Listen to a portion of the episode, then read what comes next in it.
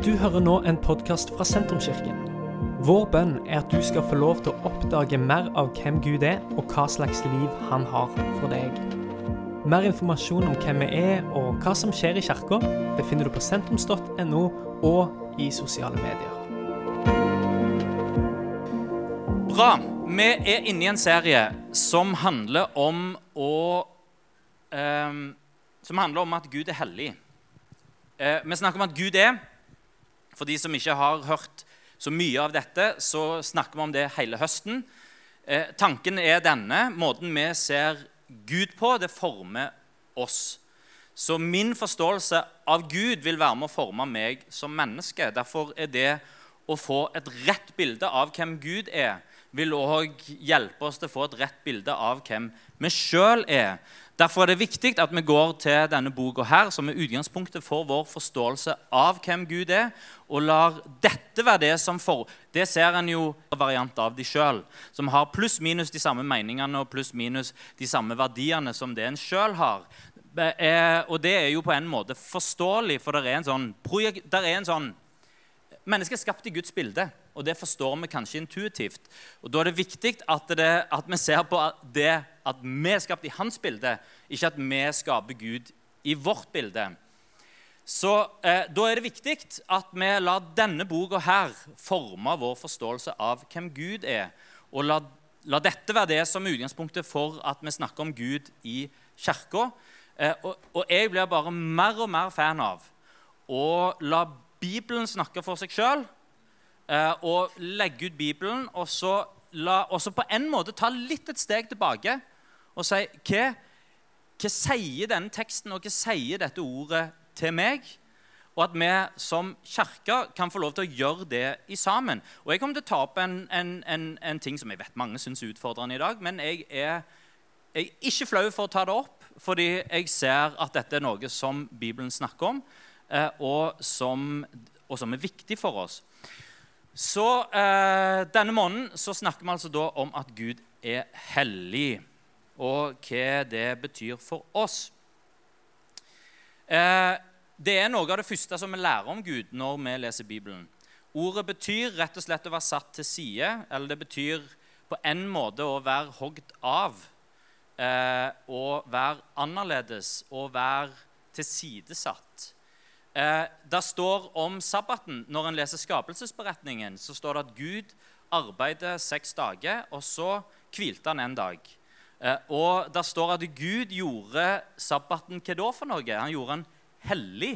Eh, og det er kanskje noe av det viktigste vi kan, vi kan vite om sabbaten. Ikke nødvendigvis at det er som det ble for kanskje 50-60-70 år siden, at det ble snakk om har jeg lov å strikke. Har jeg lov å På hviledagen kan jeg, eh, kan jeg spille fotball på hviledagen? Kan jeg drive idrett? Nei, det var fysisk aktivitet. Nei, det går ikke. Så blir det bare masse regler som en skal følge, istedenfor at ideen som ligger bak, den var hellig av Gud, satt til side fra Gud. Med andre ord en dag som var annerledes enn alle de andre dagene. Sånn at uka vår ikke bare går som en sånn hamsterhjul rundt og rundt og rundt. og rundt. Vi får aldri tid til å hoppe av hamsterhjulet og si nei, i dag produserer jeg ingenting. I dag leser jeg ingen e-mail. I dag er jeg avkobla all informasjon. I dag så er det pray and play, som, eh, som, som de sier eh, der eh, Den plassen de sier det. Eh, og, så ordet betyr å være satt til side. Eh, det er egentlig den samme egenskapen som å være rein. Guds hellighet, Guds renhet, det er nesten som to synonymer, det bibelske synonymer. Eh, og Guds hellighet og renhet det materialiserer seg ofte i Bibelen som, som ild. Eh, noe som brenner. Og det forstår en det er, det er, jo både annerledes og satt til side. det er det jo også.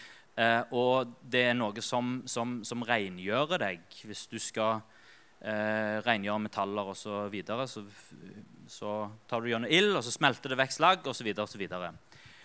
Så en hellig og ren Gud som viser seg gjennom ild, det gir et menneske ærefrykt og respekt. Vi har ild i vårt hjem. Det må jeg eh, understreke i nå denne vinteren. Vi har ild i vårt hjem hver eneste dag. Jeg begynner hver morgen eh, fra oktober og helt fram til mai, faktisk, eh, med å gjøre opp ild eh, i, i, hjemmet vårt. Eh, så, men jeg, jeg, kona mi syns jeg er litt skjødesløs av og til. men jeg har ærefrykt for ild. Jeg vet at ilden kan brenne ned huset vårt. Derfor har jeg respekt for han, ærefrykt for han. Men samtidig det er ingenting som er så vakkert og fint med den årstida som vi går inn i nå. Det er å ha ild som varmer opp hele huset, eh, og som er bare vakker å se på. Eh, eh, ilden i peisen vår på grunn av at vi har glassdør, den er som et vakkert maleri som forandrer seg litt hver dag. Så husk det når vi forholder oss til Gud. Vi forholder oss til Gud med ærefrykt og respekt.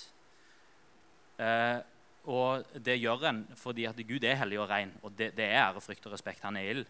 Men samtidig eh, så er han òg god, og han gir varme. Og det er Ovnen i vårt hus er sentrum for alt som skjer.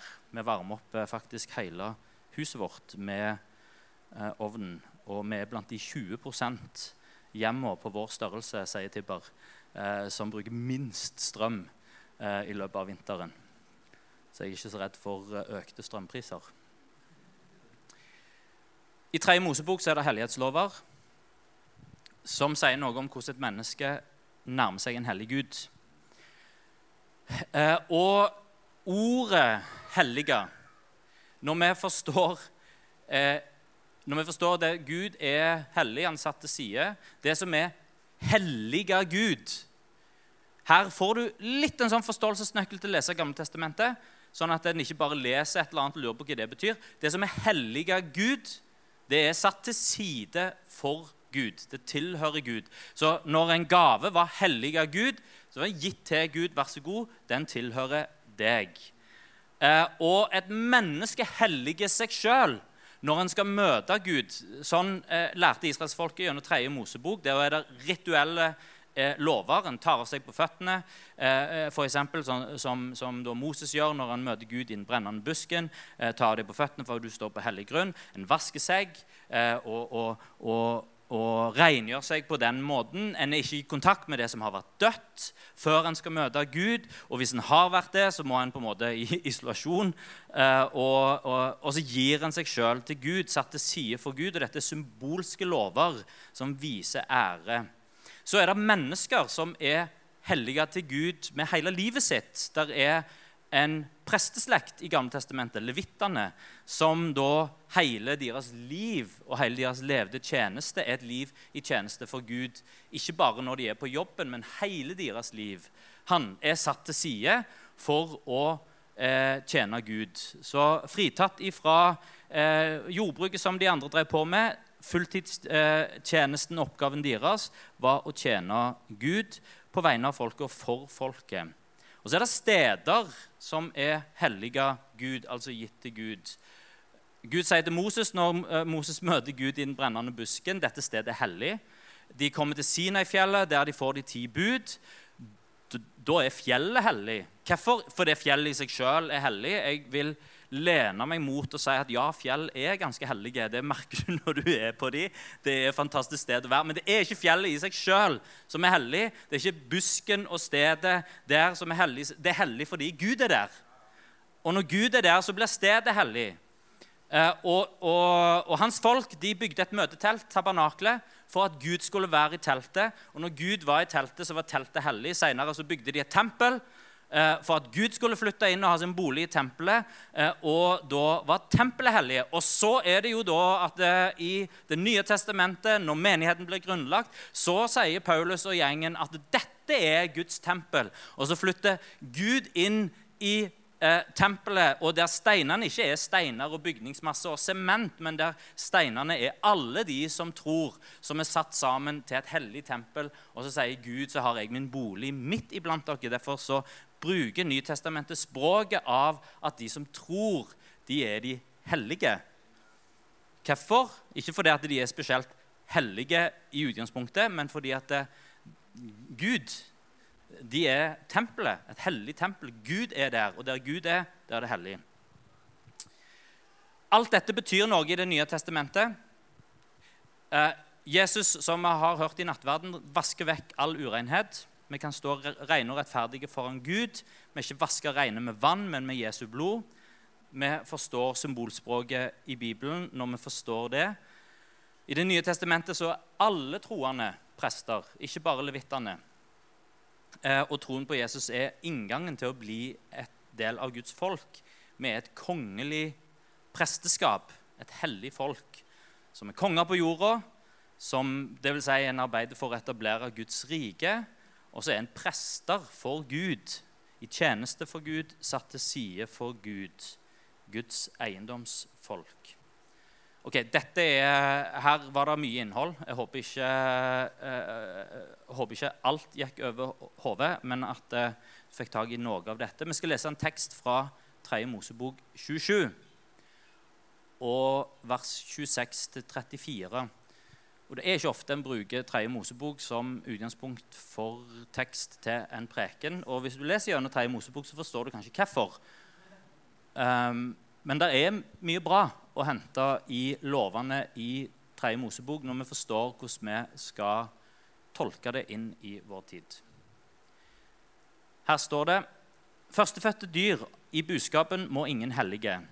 Som førstefødte hører de Herren til. Enten det er storfe eller småfe, småfe hører de Herren til. Er det urene dyr, skal en løse dem inn etter verdien og legge til en femtedel. Blir de ikke innløst, skal de selges for verdien. Når en mann vier noe av alt han eier til Herren som bannlyst gods, enten det er folk eller fe eller odelsjord, da må det ikke selges eller innløses. Alt som er bannlyst, er høyhellig og hører Herren til. Et menneske som er bannlyst, kan ikke innløses. Det skal oi, dø. All tiende i landet, både av grøden på marken og av frukten på trærne, hører Herren til. Den er viet til Herren. Men skulle noen ønske å løse inn noe av tienden, skal han legge til en femtedel. En femtedel. All tiende av storfe og småfe, av alt som går under gjeterens stav. Hvert tiende dyr skal være viet til Herren.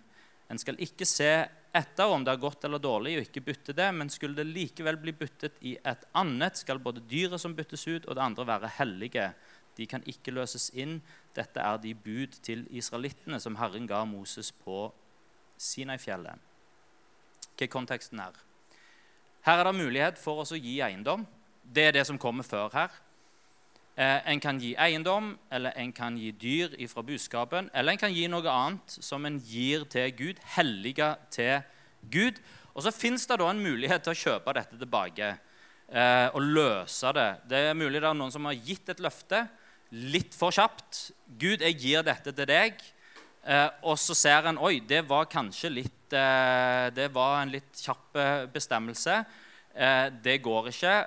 Og så har en faktisk da muligheten til å kjøpe dette tilbake, løse det tilbake, hvis jeg har forstått teksten rett. kjøpe det som er hellige, tilbake. og så blir det gitt en pris på det. Det som en lærer ut av dette, er at det som er hellig av Gud, det som er gitt til Gud, det tilhører Gud. Og så Videre i kapittelet her så er det, det de tingene som allerede er hellige til Gud, altså som tilhører Gud i utgangspunktet. Eh, og når vi leser en sånn tekst i Den nye pakt og i, med briller fra Det nye testamentet, så handler ikke det om at vi skal ta tilbake systemet. Det skal han ikke. Alt er oppfylt i Jesus. Vi skal ikke tilbake til systemet med de rituelle lovene. Det som vi skal gjøre, er å lete etter prinsippene bak disse lovene og hjertet bak loven. Det er dette Jesus gjør i bergprekenen.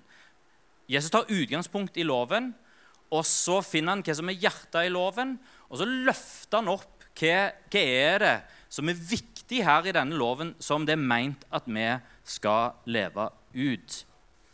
Og Det første jeg hadde lyst til å si ut ifra denne teksten her Det som er hellige til Gud, det tilhører Gud.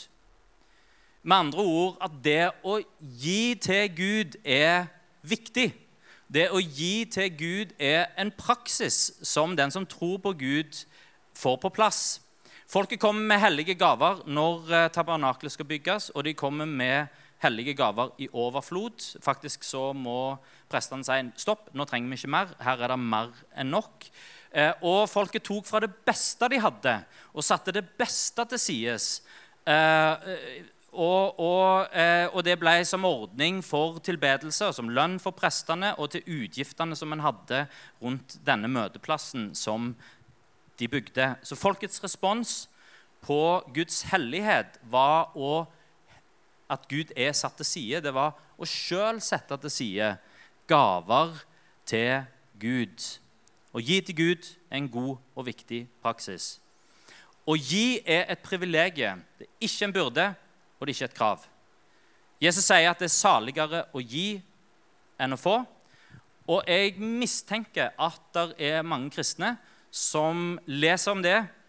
At uh, Herren sier det er saligere å gi enn å få. Og så tenker en ja, det er en kristen, fin tanke. Og den er sikkert sann for den som er kristen, men er det en universelle sannhet som gjelder for andre? Tør vi å tro det? Virkelig at det er saligere å gi enn å få? Eh, jeg tør å tro det. Det er saligere å gi enn å få. Det, det, du blir gladere av å gi enn å motta. Å motta er eh, Hvis en tar bilde fra en familie Å motta er barnets glede. Å gi er foreldrenes glede. Og etter hvert som en modnes og blir eldre, så finner en mer og mer ut av gleden i å gi. Det var en realityserie for noen år siden som heter eh, 'Millionær i forkledning', der, en, der millionærer eh, de fikk bli med inn i et eh, hjelpearbeid i et, nærmiljø, eh, nærområde. Eh, og Historien til de som drev arbeidet, var at denne personen skal være en frivillig hos dere. Eh, og Så var han med ei uke og hjalp til. Mens den egentlige historien var at dette var veldig rike mennesker som hadde lyst til å gi kanskje én million eller flere millioner kroner til et arbeid, og som da fikk muligheten til å se dette arbeidet. Litt som gjengen vår som har vært i Little Friends. En får se dette arbeidet med egne øyne. Eh, og disse millionærene var med og hjalp til, og på slutten så skulle de da gi gaven. Og det var interessant å se at noen av millionærene var nesten mer bevega eh, sjøl enn de som mottok gaven. Eh, fordi det var en så stor glede å få lov til å gi av sitt overskudd. Tenk, trippelglede. Det er glede for de som driver arbeidet. Det er glede for de som blir velsigna av arbeidet. Og så er det glede for den som gir til arbeidet. Det er saligere å gi enn å få. Der skatten din er, der er hjertet ditt, det sier Jesus. Og gi til Gud hvis du ønsker å ha hjertet ditt i det som Gud gjør. Så Hvis en da tar Jesus sitt ord på alvor, så plasserer du skatten din i det som Gud gjør. Da vil hjertet ditt være òg. Gi der som du vil ha hjertet ditt. Vil du ha hjertet ditt i Guds rike, gi inn i Guds rike. Vil du ha hjertet ditt inn i kirka, vil du bygge kirka med hjertet, gi til kirka. Og dette her er jo Hva er dette for noe? Dette er prinsippene bak det å gi til Gud. Jesus sier òg vi kan ikke tjene både Gud og mammon. Kanskje derfor det å gi en av de viktigste praksisene for en kristen i, en, i et gjennommaterialistisk samfunn, som vårt samfunn har blitt. Eh, det motarbeider materialismen som kommer krypende på oss alle sammen. Eh, og eh, som det er vanskelig Og Materialismen tar opp forestillingsevnen vår. Hva kan jeg bruke pengene på? Hva har jeg lyst på? Se hva naboen har. Oi, han hadde fin bil. Den har jeg òg lyst på. Oi, de fikk større hus. Det har jeg. Oi, de kjøpte hytte. Til vi har kjøpt hytte. Uh, å, det var ikke det så kjekt. Du, kanskje vi òg skal kjøpe hytte? Og så, fyller, fyll en forestillingsevnen sin med alt det som alle har. Og så blir en materialist, da, er hjertet henges fast til disse tingene. Så en finner hele tida nye prosjekter og nye ting og nye eiendom og nytt greier som en, eh, som en trenger sjøl. Jesus gir materialismen et navn mammon. Og så sier han det går ikke an å tjene både Gud og mammon. Gudfryktige mennesker gjennom alle tidene har tjent mye penger. Og noen opp gjennom historien, noen av de som har tjent mest penger, er òg gudfryktige mennesker. Særlig disse, her, eh, særlig disse puritanerne de fikk jo et kjempeproblem. For eh, fordi nøysomhet eh, det var, det var en verdi. Og så var arbeidsomhet det var en annen verdi. Og så var ikke var liksom det, ja, så, så var liksom, OK, du er arbeidsom og jobber, jobber, jobber, tjener mye. Men så er nøysomheten verdi. Uh, ja, men Jeg kan ikke bruke alt dette på meg sjøl. Hva skal jeg gjøre da? Ja, men Da må jeg investere. Sant? Og så investerer en, og så blir det jo enda mer. Og så setter det andre folk i arbeid. blir, blir, med, med, nøysomhet. Ja, ja, men da må jeg gi vekk dette her. Eh, så, så, puritanerne de ble litt sånn motvillige. Eh, ganske rike, mange av de. Fordi de holdt fast ved arbeidsomhet og med nøysomhet. Det er ikke materialisme det er ikke eh, å bli materialist og tjene penger. Mammon og materialisme er når tingene og pengene blir så viktige for oss at vi ikke klarer å slippe når vi holder fast ved det. Å gi er den beste medisinen mot å bli grepet av mammon. Og i rike Norge så tror ikke jeg det er sunt å tjene så mye penger som mange av oss gjør, uten at vi lærer oss å gi slipp på det. Det andre vi kan lære fra denne teksten, er at førstegrøten den tilhører Gud. At den gir først til Gud. Prinsippet er å gi til Gud fra den første innhøstningen. Eh, jeg gir min gave til Gud først, i tro på at han fortjener resten. Dette er også et prinsipp du finner gjennom Bibelen. Første dagen i uka satt, satt av til Gud. Sabbaten, hviledagen. Og så resten av uka til å jobbe eh, når jeg satte av den ene dagen til Gud, så velsigner han de andre som jeg jobber. Den første innhøstningen, det første som kommer inn, gir det til Gud i tro på at han velsigner resten. Eh, så tror jeg at kanskje at tanken vår av og til kan være Først så må jeg sørge for alle behovene mine, og så alle ønskene mine. Og så ser jeg hvis det er noe til overs, så kan jeg gi til Gud og til andre ut ifra det som er til overs. Hva med å snu på det og si jeg vil gi først til Gud og tro på at han velsigner meg? Jeg vil gi den første dagen til Gud, og det setter fokus for resten av uka. Gi den første tida på dagen, setter fokus for resten av dagen. Og så gi først, først til Gud av sine ressurser og stole på at han velsigner resten. Kanskje en ekstra viktig ting når ting er usikkert.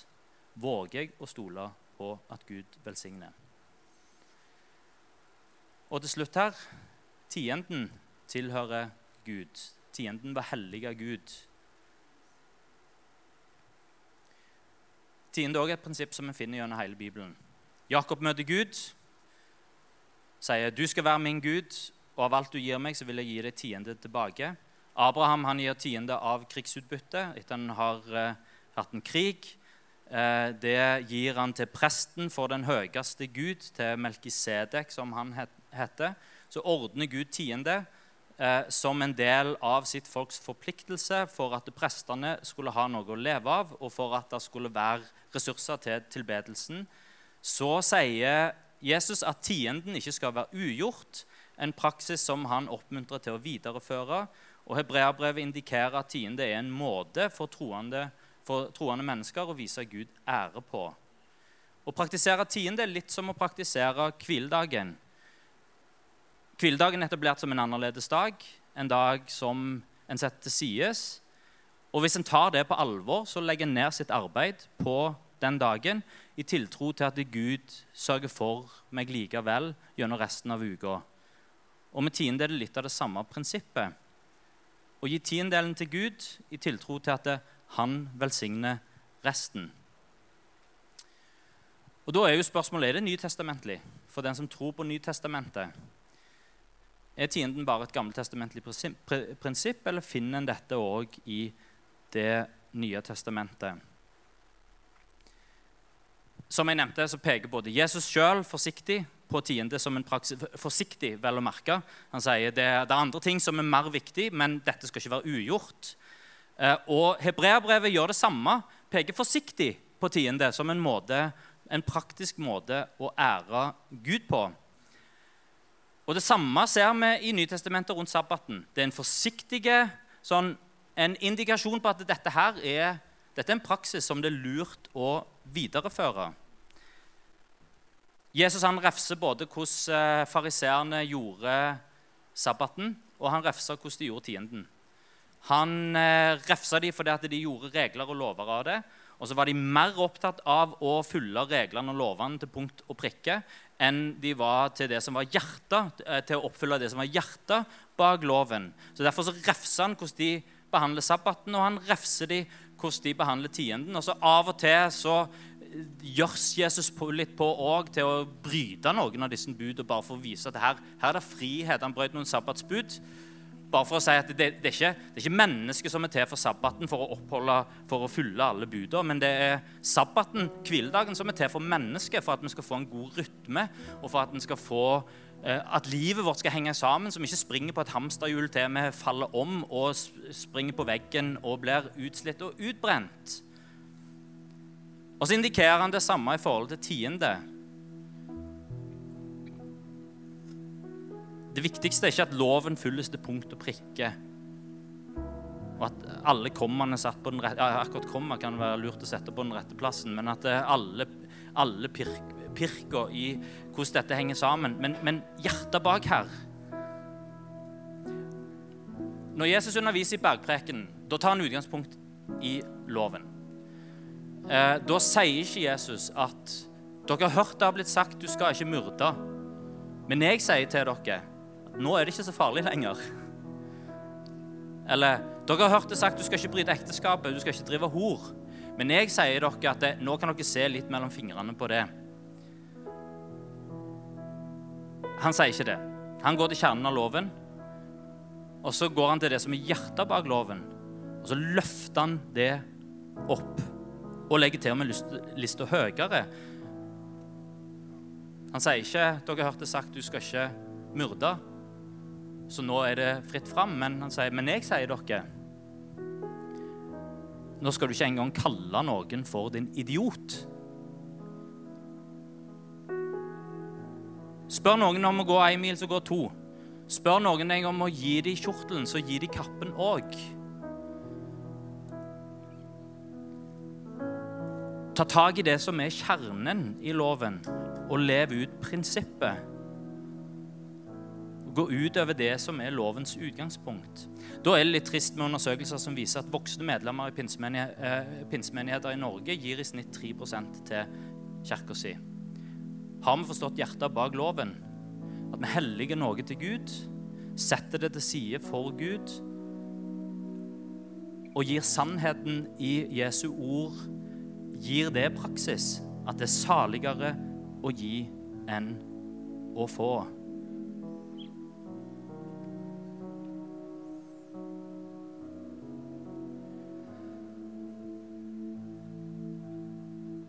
Å gi en respons på evangeliet. Å gi, ikke, å gi det gjør en ikke fordi en må. Det er å hellige noe til Gud. Gi det til Gud og sette det til sides til Gud. Ikke fordi det er et krav, men i takknemlighet for det som Gud har gitt til deg og til oss. Først er en takknemlighet for at Gud har gitt oss livet, og Gud har gitt oss muligheter, Gud har gitt oss talenter, han har gitt oss skaperevne. Han, han vi er skapt i hans bilde. Han er utgangspunktet for alt. Jeg gir tilbake til han, som Jakob sier. Av alt det du har gitt meg, så vil jeg gi deg tiende tilbake. For ingenting har dere fått det, for ingenting som gir dere det videre. Vi gir fordi en har blitt gitt. Tenk å se på det å tjene mer penger og ha det òg som et utgangspunkt. Oi, det å tjene mer penger handler ikke bare om at jeg kan få meg større hus og mer ting, men det øker min giverkapasitet. Jeg kan velsigne andre mennesker. Jeg kan hjelpe noen som har utfordringer. Kan, eh, og, og, der har vi en sånn tanke i Norge om at det, velferdsstaten tar seg av all godheten, og jeg viser min godhet med å stemme på et parti som vil dele ut til de som har, til de som har lite, men at vi kan òg ta inn i hjertet vårt at jeg kan være med og bidra og løfte opp den som har lite. Jeg kan være til velsignelse. Jeg gir for det jeg har blitt gitt meg, fordi det har blitt gitt meg. Paulus sier til Timoteus det du har fått av meg, gi det videre til trofaste folk som kan gi det videre igjen.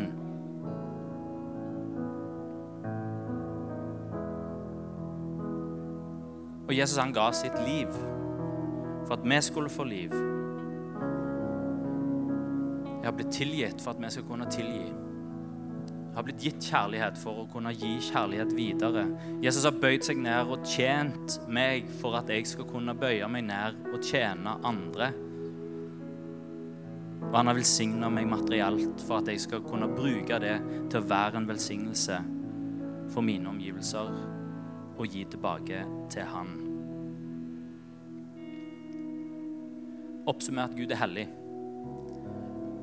Og vi kan sette til side en gave til han. Og tienden er en genial måte å ta tak i hjertet på det å gi noe tilbake til Gud. Invester, sette det til side. Jeg gir det til deg, Gud. Så stoler jeg på at du velsigner resten. Og ikke bare drysser litt velsignelse. Men i Malakia står det at vil åpne himmelens luse og øse velsignelse ut over oss. Kan vi ta og reise oss?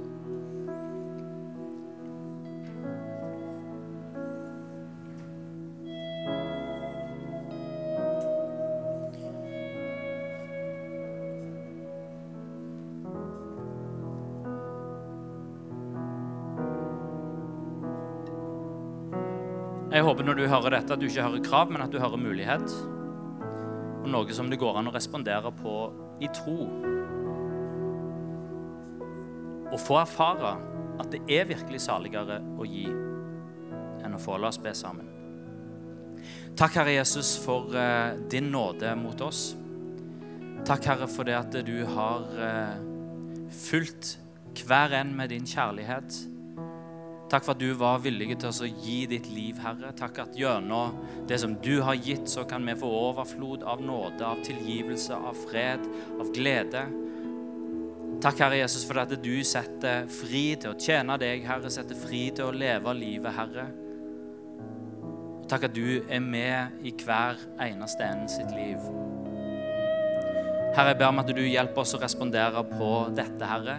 Hvordan kan vi leve et liv der vi gir tilbake igjen til deg i takknemlighet og i tro, og med visjon for framtida òg, Herre. Herre, vi ber for eh, hver enkelt en i dette rommet. Vi ber for en vinter nå, Herre Jesus, med økte renter på lån og med økte strømutgifter, Herre, og med økte matpriser og kanskje usikkerhet på arbeidsplasser og med økonomiske uroligheter og kanskje òg fortvilelse rundt hvordan skal dette gå sammen, Herre. Jeg ber om din velsignelse over hele kirka, Herre. Over hver enkelt en, Herre, og hver enkelt en sin økonomi, Herre. Jeg ber om at du må virkelig åpne opp himmelens luse og øse din velsignelse ut over hver enkelt en. Herre Jesus, hjelp oss denne vinteren her til å leve et liv der vi våger å stole på at du òg er forsørger, og at du forsørger for oss.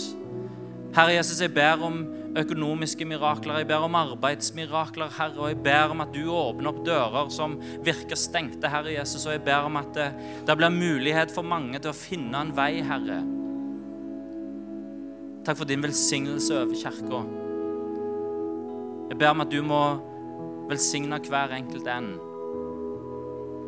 Jeg ber Herre Jesus at du velsigner når vi gir, Herre, misjonskollekten i dag. Jeg ber om at du velsigner gaven, Herre, til å kunne være med og utrette noe for mange, Herre. Og så ber jeg om at du velsigner den som mottar gaven. Jeg ber om at du velsigner, ikke minst velsigner giveren, Herre. Og Herre, hjelp oss å se at vi kan få gi for det du har gitt oss. Og så ber jeg for den som føler en har lite. Herre Jesus, jeg ber om hjelp til å se hvordan, og med det lille som en har, hvordan en kan velsigne andre. Og komme ut av en tanke av at eh, jeg bare har behov og trenger at noen Men se, hjelp til å se hvordan kan jeg være en velsignelse. Hvordan kan jeg være med å gi til andre. Hjelp oss å forvalte våre ressurser en god måte. På en gudfryktig måte, på en måte som ærer deg. På en måte som utbrer ditt rike, og på en måte som velsigner folk rundt oss. I Jesu navn. Takk, Herre. La oss lovsynge. Dette er slutten på denne podkastepisoden. Har du spørsmål om Jesus, om tro, om livet, så er du hjertelig velkommen til å ta kontakt med oss via sentrums.no.